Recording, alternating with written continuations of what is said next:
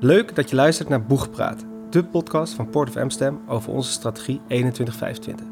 Ik ben jullie host, Erik Warners, en ik werk bij de afdeling Strategie en Innovatie bij de Port of Amsterdam.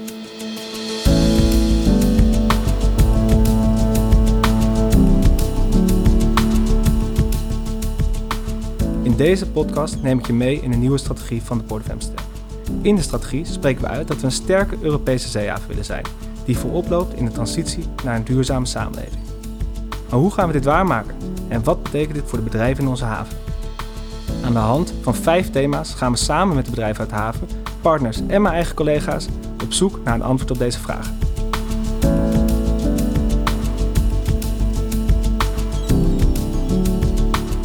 In deze podcast gaan we het hebben over de voorspelbare digitale haven. Bij mij aan tafel zitten Wilfred Knecht, agent werkzaam bij LBH Groep, en Jordi Huslager, werkzaam als hoofd operatie bij de divisie Havenmeester.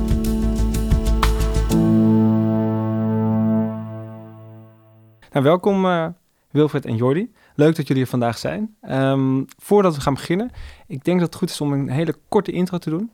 Uh, te beginnen bij jou, Wilfred. Kan jij iets over jezelf vertellen? Dankjewel. Uh, ik ben Wilfred Knecht. Ik ben ruim 20 jaar werkzaam in de haven van Amsterdam als scheepsagent.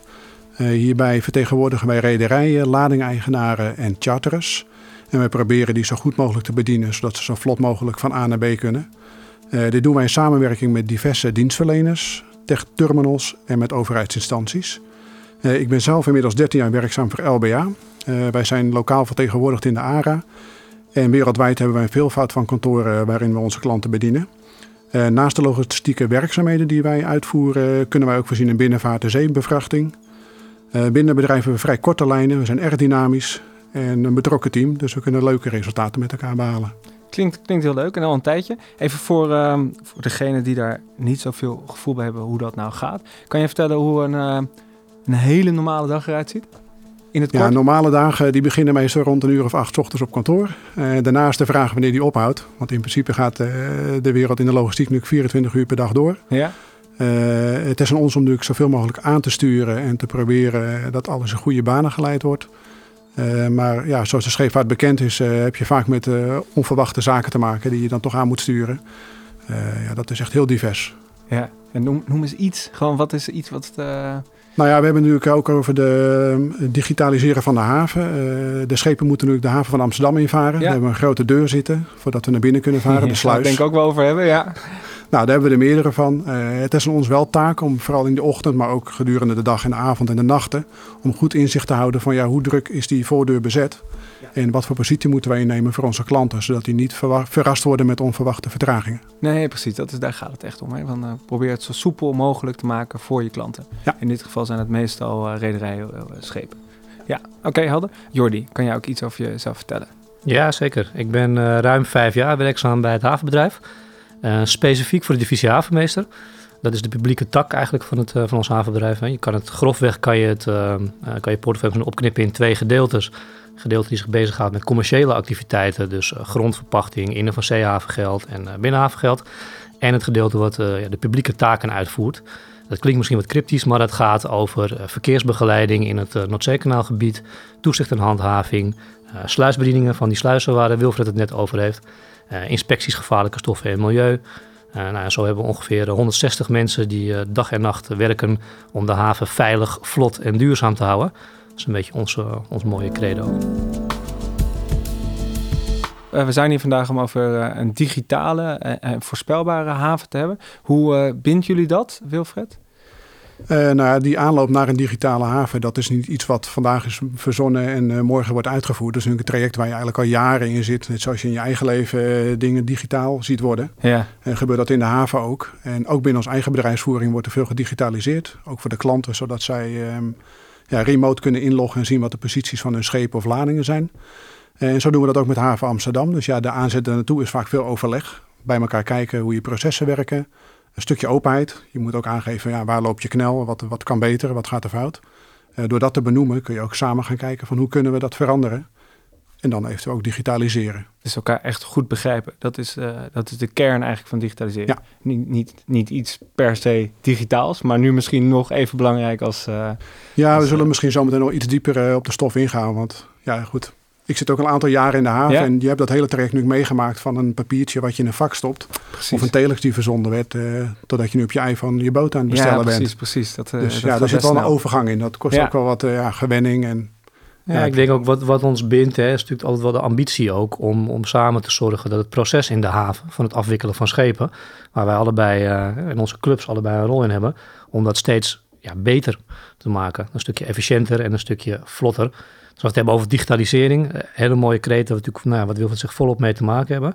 Maar voor mij is het ook echt een middel om een doel te bereiken. Ja, De digitalisering moet ons gaan helpen om dat proces efficiënter te maken en met nou, minder vertraging en meer op tijd en eh, meer inzicht in elkaars, eh, nou, in elkaars processen. Snap ik, snap ik. Nou, dan even terug naar dat, naar dat doel. Hè? Want een van de doelen in de, in de strategie, de strategie van de haven voor 2125, is dat de komende jaren scheepvaart meer op tijd moet komen. Ehm, kan je eens uitleggen waar dat doel vandaan komt en waarom het, denk jij, beter kan? Ja. Nou, eigenlijk kijken we al een aantal jaar met een hele grote groep mensen in de haven, met ons havengemeenschap, in een overleg wat we iedere twee maanden voeren naar hoe het gaat in de haven op, haven op het gebied van vertragingen. En vertraging is eigenlijk hetgene nou, wat tegenover scheepvaart op tijd staat, hè, want dat is Ja. onze strategische KPI. En we kijken hoe staat het nu, hoeveel schepen komen er op tijd eh, en kan dat beter. Ja, En dat is uiteindelijk wat we natuurlijk allemaal willen. Hè. Ook als wij eh, eh, op reis gaan, dan kijken we vaak op, eh, op Google Maps van nou, hoe lang doe ik ergens over? Zie ik een vertraging onderweg en kan ik dat vermijden? Eh, en daar komt eigenlijk dat doel, dat doel vandaan. Dat we zoveel mogelijk op tijd willen komen. en als je dan onder dat cijfer kijkt, hè, wa- wat, voor een oorzaken zie jij het meest voorkomen als reden voor vertraging? Ja, daar hebben we best wel wat inzicht in. Eh, we meten dat ook vol continu. Je hebt drie grote oorzaken op dit moment. En één, dat is wat wij noemen sluiscongestie. Ja, Eh, mooie term voor eigenlijk om te vertellen File? dat er... Ja, voor file inderdaad. Die sluis heeft toch een, heeft natuurlijk een bepaalde capaciteit. En er kunnen maar een x-aantal schepen door een sluis tegelijk. En wij zien in onze haven heel veel pieken en dalen. En vaak zie je dat er meer aanbod is als dat er ruimte is in de sluis om doorheen te schutten. oké. Dus die staat eigenlijk met stip op één. Ja, snap En ik. nou, misschien straks bij de oplossingen komen we nog wel terecht bij eh, onze mooie nieuwe sluis... Hè, die we vanaf januari kunnen gaan ja, nee, daar gaan we het zeker over hebben, ja. Daarnaast zien we eh, de beschikbaarheid van nautisch dienstverleners. Dus dan hebben we het over beschikbaarheid van slepers, van loodsen en van vastmakers. Ook die moeten het hebben met die pieken te maken. En die kunnen nooit ja, zoveel capaciteit regelen dat ze altijd maar die pieken op kunnen vangen. Want dat betekent dat je in de dalen superveel overcapaciteit hebt. Mhm. Dat is middelen, maar dat is wel ook een veroorzaker van die vertragingen. En daarnaast zien we, eh, dat is ook wel een interessante, dat we nog onvoldoende inzicht hebben in de processen op de terminals. Dus hoe ver is het in de afhan- bij de afhandeling van een schip om goed te kunnen in te kunnen schatten eh, wanneer een schip klaar is en kan gaan vertrekken. Want op die terminal gebeurt superveel. Dat kan Wilfred waarschijnlijk veel beter vertellen. Moet je Ja, ook die derde is ook een beetje een algemene noemer ook eh, benoemd natuurlijk. Want je hebt met terminals te maken. Maar rondom die terminal gebeurt ook van alles. Zo'n schip moet bevoorraad worden. Er moeten mensen aan en van boord. Reparaties Mhm. worden uitgevoerd. Ja, dat zie je niet direct in het proces van het laden en lossen. Maar hebben vaak wel of kunnen een invloed hebben op het uiteindelijke vertrek van het schip. Ja, Dus ondanks dat de terminal gereed is om te vertrekken, kan het best zijn dat het schip nog niet klaar is om te vertrekken. Of de controleur die de betreffende lading moet controleren en nog activiteiten moet doen. Ja. Dus ja, daar zijn die werkgroepen ook voor bedoeld. Om daar toch een beetje inzicht te geven. Joh, wat speelt daar nou? Is dat puur operationeel? Misschien is het ook wel commercieel. Dat kan ook natuurlijk. Hè. Daar kunnen ook redenen voor zijn. zeker, zeker. Dat zou ook een kritisch eh, punt zijn straks als we wat meer dieper erop ingaan. Van ja, Is het eh, dan wat wil je allemaal laten zien? Ja, En is het wel een, ja, een vertraging? ja, snap ik. Snap ik. Gewenst, Dus aan de ene kant grillig. Mensen komen tegelijk. Mhm. dat is het kort gezegd. Eh, dat kan natuurlijk ook met handel te maken hebben. Dat, eh, zeker in een handelshaven. Ja, Eh, je kan ja. op zich daar wel op aanvullen, en dat weet Jo- Jordi denk ik ook wel. Eh, dat grillige eh, aanbod van schepen heeft natuurlijk ook te maken met eh, de geschiedenis van haven Amsterdam. Er is natuurlijk veel wilde vaart, noemen we dat, veel Mhm. tramvaart. We hebben al enkele lijndiensten, een aantal lijndiensten varen, maar over het algemeen is het echt wilde vaart. Dus die schepen kunnen alle minuut afgeroepen worden om hier de haven aan te lopen. En zelfs tijdens naar binnen lopen kan nog besloten worden van nou, we gaan toch niet.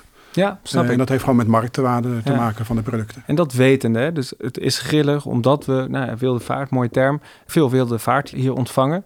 Hoe gaat digitalisering ons daarbij helpen?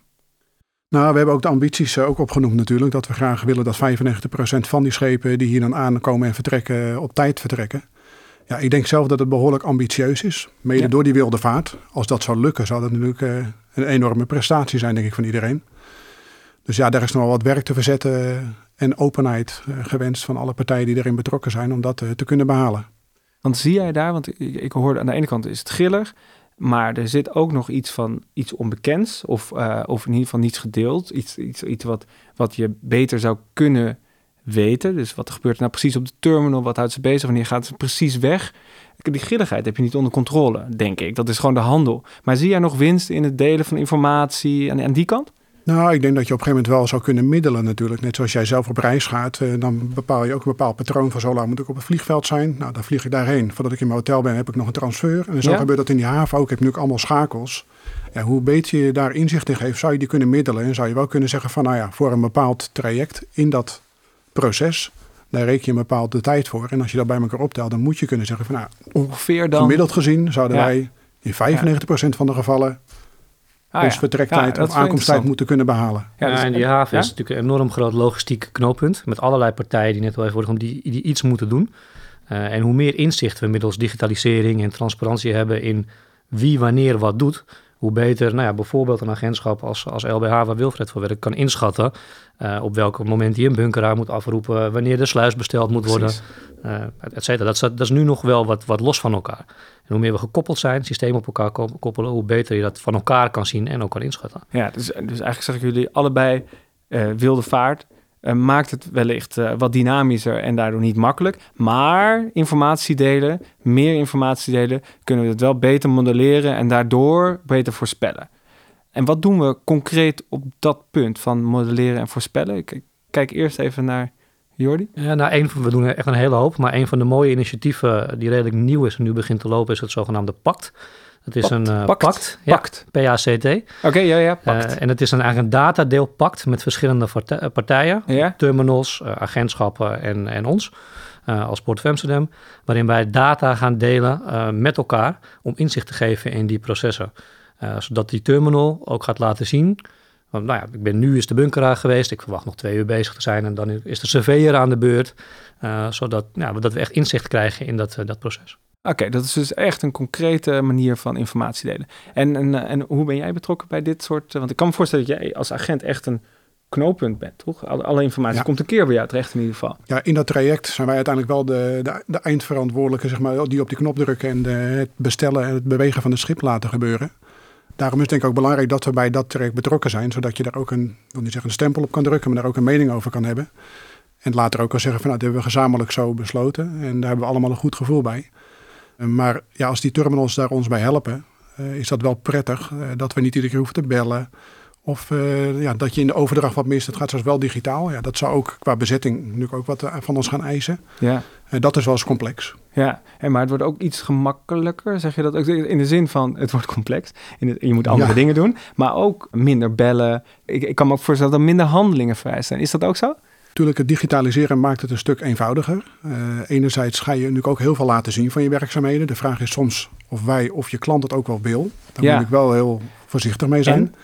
Ik denk bij mezelf, er is natuurlijk veel al inzichtelijk. Ik bedoel, tik een boot naar me en je kan zien waar die naartoe vaart. En die kun je blijven volgen totdat hij uh, niet meer vaart, bij wijze van spreken.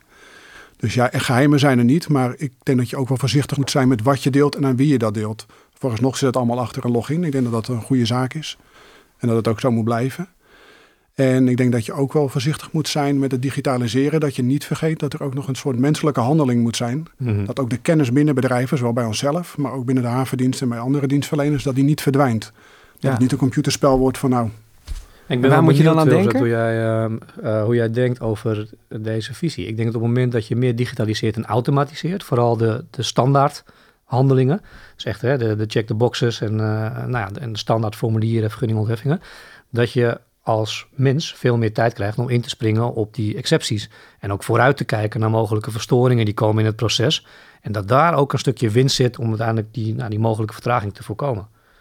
Nou, daar ben, daar ben ik het zeker wel mee eens. Dat is ook in de loop der jaren, ik bedoel, ik doe het een jaar of twintig, en waar je voor een Excel-formuliertje in kon vullen, dat was op zich wel praktisch, maar dat was niet altijd uh, even handig. Ja, nu heb je voorgevulde formulieren, daar is echt wel een grote stap in gemaakt. Ja, dat scheelt echt heel veel tijd en dat werkt heel erg prettig, waardoor je inderdaad tijd overhoudt voor andere zaken. Uh, maar je moet ook niet vergeten, uh, dat gaat wel 24 uur per dag door. Dus een simpele handeling vraagt tegenwoordig wel meteen een digitale aanvraag. Ja, daar moet je ook je hele organisatie uh, voor inrichten. Ja. Nou is dat bij ons niet zo'n probleem, maar ik kan me voorstellen dat bij eenmansbedrijven of bij wat kleinere agenturen in deze haven, dat het wel complex is. Je moet Ja, dat veel merk- dat merk kunnen doen. Ook meer andere handelingen, een soort een beetje tech, techie savvy. Misschien valt het wel mee, maar je moet in ieder geval digitaal een beetje handig zijn om nu een goede agent te zijn. Ja, dus nou, ja. misschien een wat utopische gedachte, maar op het moment dat eh, je dat stukje invulwerk, hè, dat stukje digitalisering wat je nu misschien s'nachts moet doen voor het bestellen van een schip, als je dat nog kan automatiseren, Oh, dan heb je daar minder, minder last van. En de grote angst die dan altijd is van ja, dat kost dan mensen hun werk. Hè. Eh, ik zou het heel mooi vinden als we dan kunnen kijken, nou ja, wat, kan je, wat kunnen die mensen dan aan nieuw werk doen, Ja, wat weer waarde toevoegt Ja. in, die, in die keten. Want dat hoor ik ook een beetje. Aan de ene kant zeg je van, nou, het is al te volgen en die formulieren zijn makkelijker geworden, maar dat is allemaal een beetje terugkijken, administreren, registreren. Terwijl de, wat ik jullie ook hoor zeggen tegelijkertijd, is het lastige zit in het voorspellen. En dat voorspellen is dan misschien in tijd vaak, maar ook in behoeften. Ehm, en ik kan me voorstellen dat jullie juist daar een rol in kunnen spelen. Is dat iets, eh, klopt dit een beetje? Of, eh? Ja, dat zou inderdaad wenselijk zijn. ja? Daar zou ik ook mijn werk alvast van tevoren klaar kunnen zetten en het uit de kast halen als ik het nodig heb. Maar wat we in het begin al aangaven met die wilde vaart, is dat zo moeilijk te plannen. Los van alles wat er onder dat traject van invaren of loods aan boord stappen, haven aanlopen en weer naar buiten. Ja, daar kan van alles gebeuren aan. Een calamiteit kan zich ontstaan. Ja. Een schip kan niet werken, een loods kan in de file staan. Ja, je kan het zo gek niet bedenken. Ja, er En blijven altijd het, eh, uitzonderingen, bedoel En die zijn misschien best vaak ook. Is dat het? Nou, dat komt wel regelmatig voor. Ja. Als je ook gaat ontleden, Ja? van waar is het nou fout gegaan, ja, dan dat ga je vaak niet met één A4'tje redden. Nee, precies, precies. Dan, Het eh, is dan vaak wel een aaneenschakeling van ja, Ja. gevolgen. Dat stel dat de sleeboot niet zou kunnen, dan moet de loods ook weer verplaatst worden. Kan de loods misschien niet, maar de sleeboten kunnen wel. Ja, kan de sluis dan wel. Ja, ja, Dus het dus is is een een vrij voortdurend- complexe keten die aan elkaar eh, gelinkt moet worden om het te laten werken. Ja. Ja Dat zien wij ook vaak gebeuren. Hè? Dus op het moment dat Wilfred bijvoorbeeld een schip bestelt voor noem maar wat 12 uur. En dat past net niet omdat dan een sleepdienst niet beschikbaar is. eh, dan wordt het opeens niet. Nou, die, die sleepdienst kan misschien een uurtje later, maar inderdaad, wat Wilfred, dan kan de sluis niet. Dus dan zit je alweer een uur later en et cetera. En voor je het weet, het is dan door. komt het schip eh, vier, eh, vier tot 12 uur la- later binnen. Ja, en, en dan kijk je wel eens naar buiten dat je denkt van ja, waar zijn ze allemaal? Ja. Maar ja, dat is dan ja, een momentopname. En de haven is groter dan alleen Amsterdam. We hebben nog Amuiden natuurlijk, waar ook veel bij Tata Steel gebeurt. eh, Mhm. grote schepen die ook een stuk capaciteit weghalen. We hebben een grote scheepswerf eh, waar schepen naar binnen en naar buiten moeten. Of platformen met vier, vijf sleeboten. Ja, druk. Je ziet niet altijd alles. Nee, precies. Er zit een heel, heel, hele wereld achter eh, eigenlijk elk schip wat je ziet varen. Dat is, Ja. dat is denk ik de kern. En, en we hebben een ambitie, die 95 procent. Wilfried, jij gaf aan, dat is, dat is flink. We gaan dingen doen. Pakt. Is dat het? Of gaan we dat is het, allemaal dat- andere dat dingen is het niet alleen. Ik, ik werd net wel getriggerd door wat, wat Wilfred zegt met het woordje samenwerking. Hè? Dat we samen in dat pact zitten. En dat vind ik heel sterk aan, aan onze haven en aan ons gebied. Ook als ik het vergelijk met andere havens. Ik denk echt dat we daar competitief zijn. Mhm. Als je ziet bijvoorbeeld wat ik al noemde, dat overleg, dat noemen wij het PPM, Port Performance Ja. Meetings. Daar zitten we met een groot gedeelte van de havengemeenschap, waarbij we met loodsen, slepers, eh, agentschappen, maar ook de commerciële tak en de publieke tak van het havenbedrijf bij elkaar zitten. En dan zijn we continu bezig met het analyseren van wat zien we nu, wat meten we. Eh, dat analyseren we en vervolgens kijken we waar gaat het dan fout en waar, hoe kan het beter. En dan ontstaan allerlei werkgroepjes. Oh ja. Ehm, en ik denk dat daar, daar ligt echt de kracht. En daar kunnen we de aankomende jaren ook nog veel meer op gaan Ja, inzetten. dat is echt een hele gezamenlijke, inclusieve aanpak. Wilfried, Ja, jij, ik jij denk dat ze- havens ja. gezeten? Uh, Of nou, overwegend Amsterdam? Eh, En ja. als je, maar jullie, jullie bedrijf zit wel in meerdere eh, havens. Heb jij een beetje gevoel hoe, bij, hoe dat bij andere havens gaat? En of, Nou, dat, nee, dat Nee? denk ik niet voor deze. Nee, nee, wilde dat- natuurlijk eigenlijk horen, Ja, ja, dat Amsterdam. Ja, ja, dat, ik denk wel, dat is misschien wel leuk om te melden. Zo is de manier, waarom wij, de manier waarop wij dit aanpakken en ook met elkaar delen, is denk ik wel vrij uniek. Ik weet niet dat dit in andere havens op die manier ook gebeurt. Met Ja. die openheid en diversiteit van mensen die toch proberen daar uiteindelijk een gezamenlijke doel te bereiken. 95% eh, werd net al door Jordi genoemd. En jij gaf al aan het begin aan, wel behoorlijk ambitieus. Eh, ondanks dat we het anders doen, uniek zijn. Ehm, waarom, eh, waarom is het, is het... Want we zitten nu op 90, 91, Jordi? We zitten nu op gemiddeld 91 91%, Ja. 4%. Toch Nou, moeilijk? Ja, je ziet er ook wel wat verschuiving in commodities komen. Waar we natuurlijk een groot aandeel hadden in de kolenmarkt, Mhm. zal dat in de aankomende jaren toch wat gaan afnemen. Die was overigens heel voorspelbaar. Dus ik Ja, verwacht misschien nog wel zelfs wat terugloop. Ja, snap ik. Eh, want kolen op zichzelf, de lossing daarvan is wat minder onderhevig aan vertragingen door regen of door andere zaken. Dus dat is redelijk voorspelbaar in vergelijking Ja, met de andere ja. producten zoals benzine die geblend moeten worden, eh, granen die niet met regen gelost mogen worden. Oké, ja, dus heb je veel ik. meer externe factoren die eh, het eindresultaat zeg maar eh, benadelen. Ja, ja, dus eigenlijk de verandering van de, de, de, de compositie van stroom in de haven maakt het wellicht iets grilliger en daardoor lastiger om die doelstelling te bereiken. Maar Dat dan ik, ligt het dus niet per se aan de inspanningen die we nu doen. of dat we een te hoog doel hebben gesteld. Maar jij, jij, jij voorziet gewoon eigenlijk Nou, vandaar er, dat eh, ambitieuze. Ik denk dat dat heel goed is om dat doel te stellen. Maar ehm, ja, gelet de, de, de, de ladingsstromen die we hier hebben, is het denk ik best wel... Nou, het zou heel knap zijn als we dat halen. Ja, en waarom, waarom is het stellen van zo'n doel voor jou als agent zo belangrijk? Is dat, is dat ook een verhaal naar een klant toe? Of, eh, Eh, nou, ik denk dat het goed is. Als je nu geen doelen stelt, dan gaat ieder op zichzelf eh, aan het werk. En door middel van doelen stellen en samen een groep maken en zeggen: Oké, we gaan aan het doel werken. eh zul je ook af en toe je processen moeten ontleden. Je Mhm. moet elkaar in de spiegel kijken en zeggen: van, ja, Wat doe ik goed en wat kan beter? ja, Dus ik denk dat je daar uiteindelijk met elkaar een win-win situatie bereikt. Dus je eigen organisatie wordt er beter op en de hele haven aan zich. Ja, Eh, En er zijn nu klanten die met diverse agenturen werken. Dus uiteindelijk is het wel een gezamenlijk belang dat we zoveel mogelijk lading hier naar binnen halen.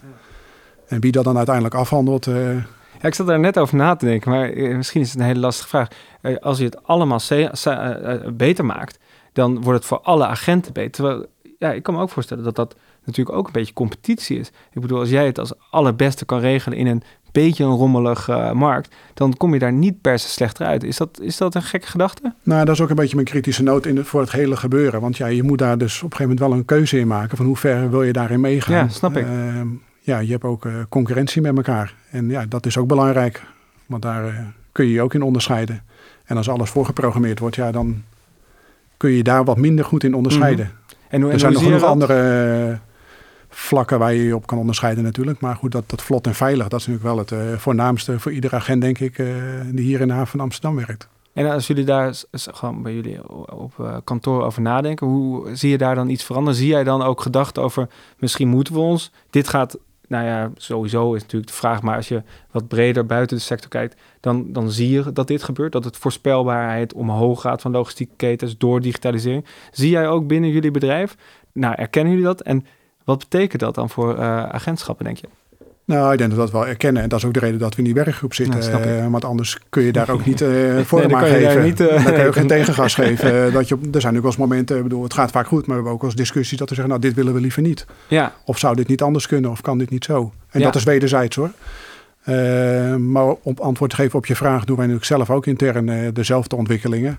Om ook die klanten mee te nemen in ons proces. En dat ook inzichtelijk te maken op het moment dat zij dat willen zien. ja, ja Dus precies. wij Dus gaat investeren daar om- net zo goed in mee. Dus ja, Ja, het sluit daar in principe eh, keurig op aan. uiteindelijk gaat het natuurlijk ook om die klant. En die, die, je, wil, eh, die je wil voorzien van de beste service. Ja. Ja. We hebben En- recentelijk de zogenaamde de customer journey, hè, mooi woord, maar voor de, de klantreis en ook de behoeftes van de klant in kaart gebracht. En wij, eh, als nou ja, relatief onafhankelijk dan, hè, want we hebben natuurlijk onderling geen concurrentie, eh, zien we eigenlijk dat de belangrijke spelers in dit proces allemaal hetzelfde willen. Hè. Dus dan hebben we het over lading-eigenaren, over agentschappen, et cetera. Ze zeggen allemaal, we willen een veilige haven. We willen een haven die voorspelbaar is, met zo min mogelijk vertraging, dus zoveel mogelijk schepen op tijd. Eh, en hier en daar hoor je ook wat duurzaamheid, hoor je ook terugkomen. Dus dat eigenlijk, als je dat dan vertaalt, dan hebben we allemaal gezamenlijk belang. En dat Ja. komt denk ik heel erg samen in, die, nou ja, in dit soort gesprekken, maar ook in de, in de werkgroepen die we met elkaar hebben. Hm, interessant. Ik zit nog te denken over de link tussen op tijd varen en duurzaamheid. Waar best wel een, een, een verschil maken kan zitten. Want als je gewoon efficiënter vaart, ga je Absoluut, ook minder, ja. minder brandstof gebruiken. Ja, ja dat, dat zou mooi zijn. Maar je, dat dan ga je wel wat verdiepen in eh, contractwerk. eh, waar schepen op bepaalde momenten echt aanwezig moeten zijn. Eh, om ook zeg maar eh, aanspraak te mogen doen op de reis die ze geboekt hebben. Hoe, hoe bedoel Dus je het is dat? niet helemaal vrijblijvend. Eh, nou, een schip moet binnen een bepaalde leeken moet die hier aanwezig zijn. Oké, Dus als afgesproken is dat jij hier vrijdag moet laden vanaf 0001 uur, dan moet je er ook zijn.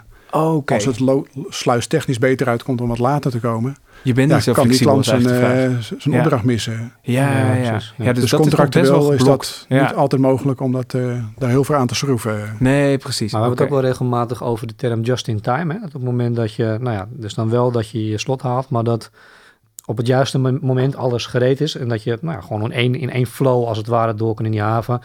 Dus niet, eh, ja, ik noem het maar even simpelweg, als stationair ligt te borrelen op de ankerplaats. Ik denk dat daar wel wat winst te behalen valt als het gaat over eh, emissiereductie en duurzaamheid. Dit- Klopt Ja. dat wat ik zeg? Of?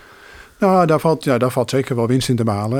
Eh, daarom is het ook belangrijk dat je dus inzichtelijk maakt. Want dan kan je daarop anticiperen. Als ik zie van, hey, ja, ik kan daar wat mee. Dan zal ik zeker mijn klant proberen eh, of ook adviseren van, joh, ik zie dit komen. Ja, Dit zijn de opties. Eh, kies je plan. ja, dus ja, als je daar naar brandstof... Dat is niet direct duurzaam. Het is duurzaam. Niet altijd de intentie om duurzaam te zijn, maar Ah. je kan er wel duurzaam mee ja, zijn. precies. En ik vind dat juist ook wel mooi, eh, waar we het net over hadden, van wat voor nieuwe waarde kan een agent dan eh, toe, toevoegen. Zo'n advies van, hé, hey, je ligt daar nu, ik zie dit nu gebeuren om je heen. Eh, nee, een beetje plat, hè, dit is waarschijnlijk helemaal niet waar. Zet de motor uit. Zoiets, zeg maar, als advies. Nou, Ehm, je kan hem wel anders toelichten hoor, want over, we hebben het over duurzaam hè. ja? Ehm, we hebben ook uh, getijschepen in de haven. Ja, wat wij doen, wij doen twee, drie dagen van tevoren geven wij onze klant op. Joh, dit is het getij, hou daar rekening mee. ja. Dan kan hij op dat moment al beslissen van ga ik wat sneller varen. Of hou ik gewoon mijn snelheid aan en pak ik gewoon het huidige tij. Mhm. Nou, dat kan je natuurlijk ook met die sluisplanning. Daar zou je ook kunnen inzichtelijk maken. Van, joh, luister, we zien dit komen. Uh, wat wil je daarmee doen? Blijf je dezelfde snelheid varen of pas je er iets op aan? Het is een beetje toekomstmuziek misschien, Ja. maar die optie uh, wordt steeds makkelijker als ja, je het inzichtelijk snap ik, maakt. snap ik. Ja, precies. Dus inzichtelijkheid en dat helpt dat digitale bij gaat gewoon ook je keuzeproces en je keuzes verbeteren. Dat is een beetje. Ja, en ik denk dat onderaan de streep, en dat is natuurlijk waar het ook vaak over gaat, dan scheelt het ook geld. Hè? Efficiëntie, Ja. dus het, het verminderen van vertraging eh, is eigenlijk het verminderen van wachttijd. Eh, en wachttijd, nou ja, dat kost doorgaans gewoon geld. Mensen, mensen schepen die stil liggen. Snap ik. Eh, Ja, Beetje ja, dat is een mooie. eh, precies. Uiteindelijk gaat het nou, misschien niet alleen daarom, maar dat is echt wel een hele belangrijke driver voor waarom eh, iedereen zo graag meedoet, toch? Ja, ja, maar ja, wat ik eigenlijk wil zeggen is, dat gaat een beetje hand in hand wat mij betreft met die duurzaamheid. Hè? Ja, Als we het snap ik. just in time hebben Ja. en, en dat soort dingen. Ja, Het, zeker. elkaar, zeker. het, sterker nog, het bijt elkaar helemaal niet. Het, Nee, het ja, helpt elkaar behoorlijk. Ja. absoluut. Ja, En of straks- dat, dat ja. just in time had ik nog wel een vraag. eh, want er was ook van, heb je nog een kritische vraag? Nou ja, je hebt het net over just in time. Heb jij vanuit je vorige werk, eh, dat kan je zelf toelichten, maar heb je daar nog iets waarvan je zegt van, nou, dat zou ik echt nog wel graag in die haven willen invoeren?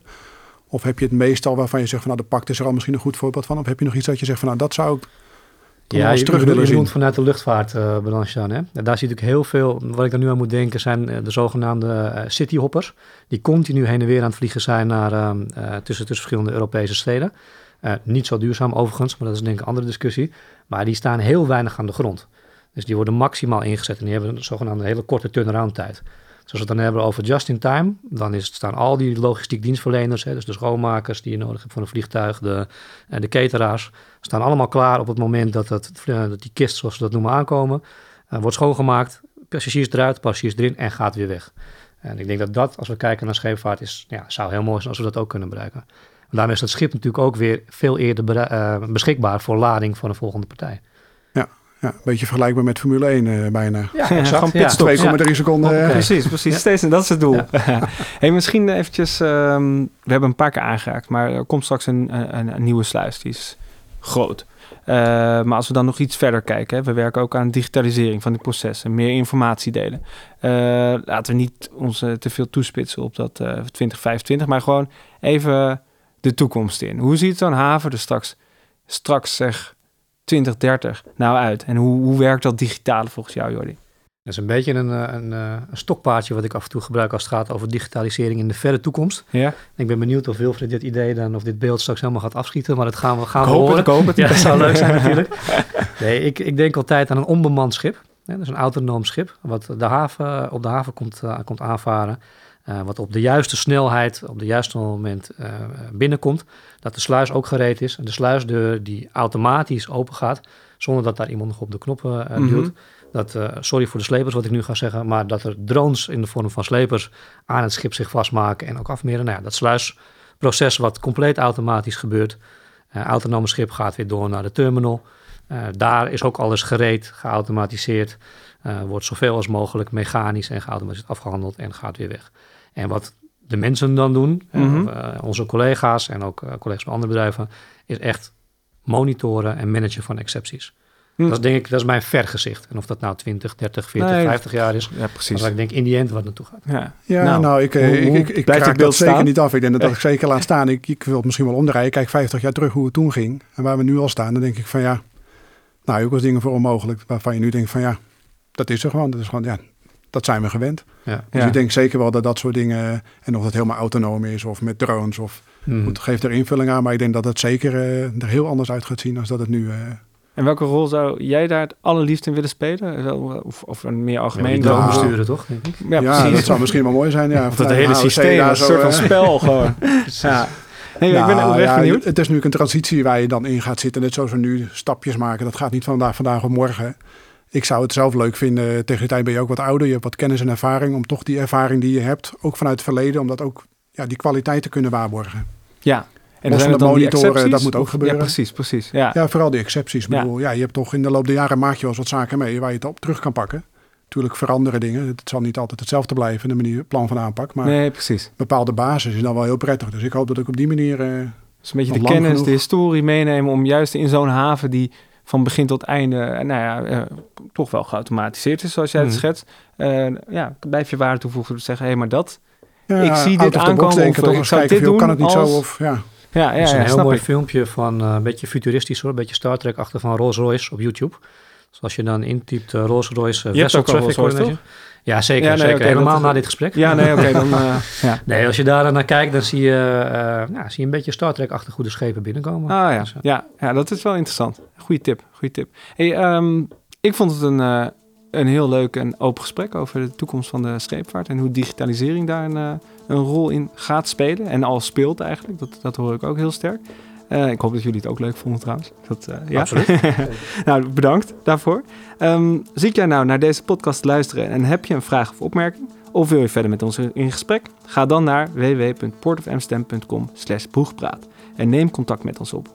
Of ben je benieuwd naar de andere thema's van de strategie? Check dan een van onze andere afleveringen.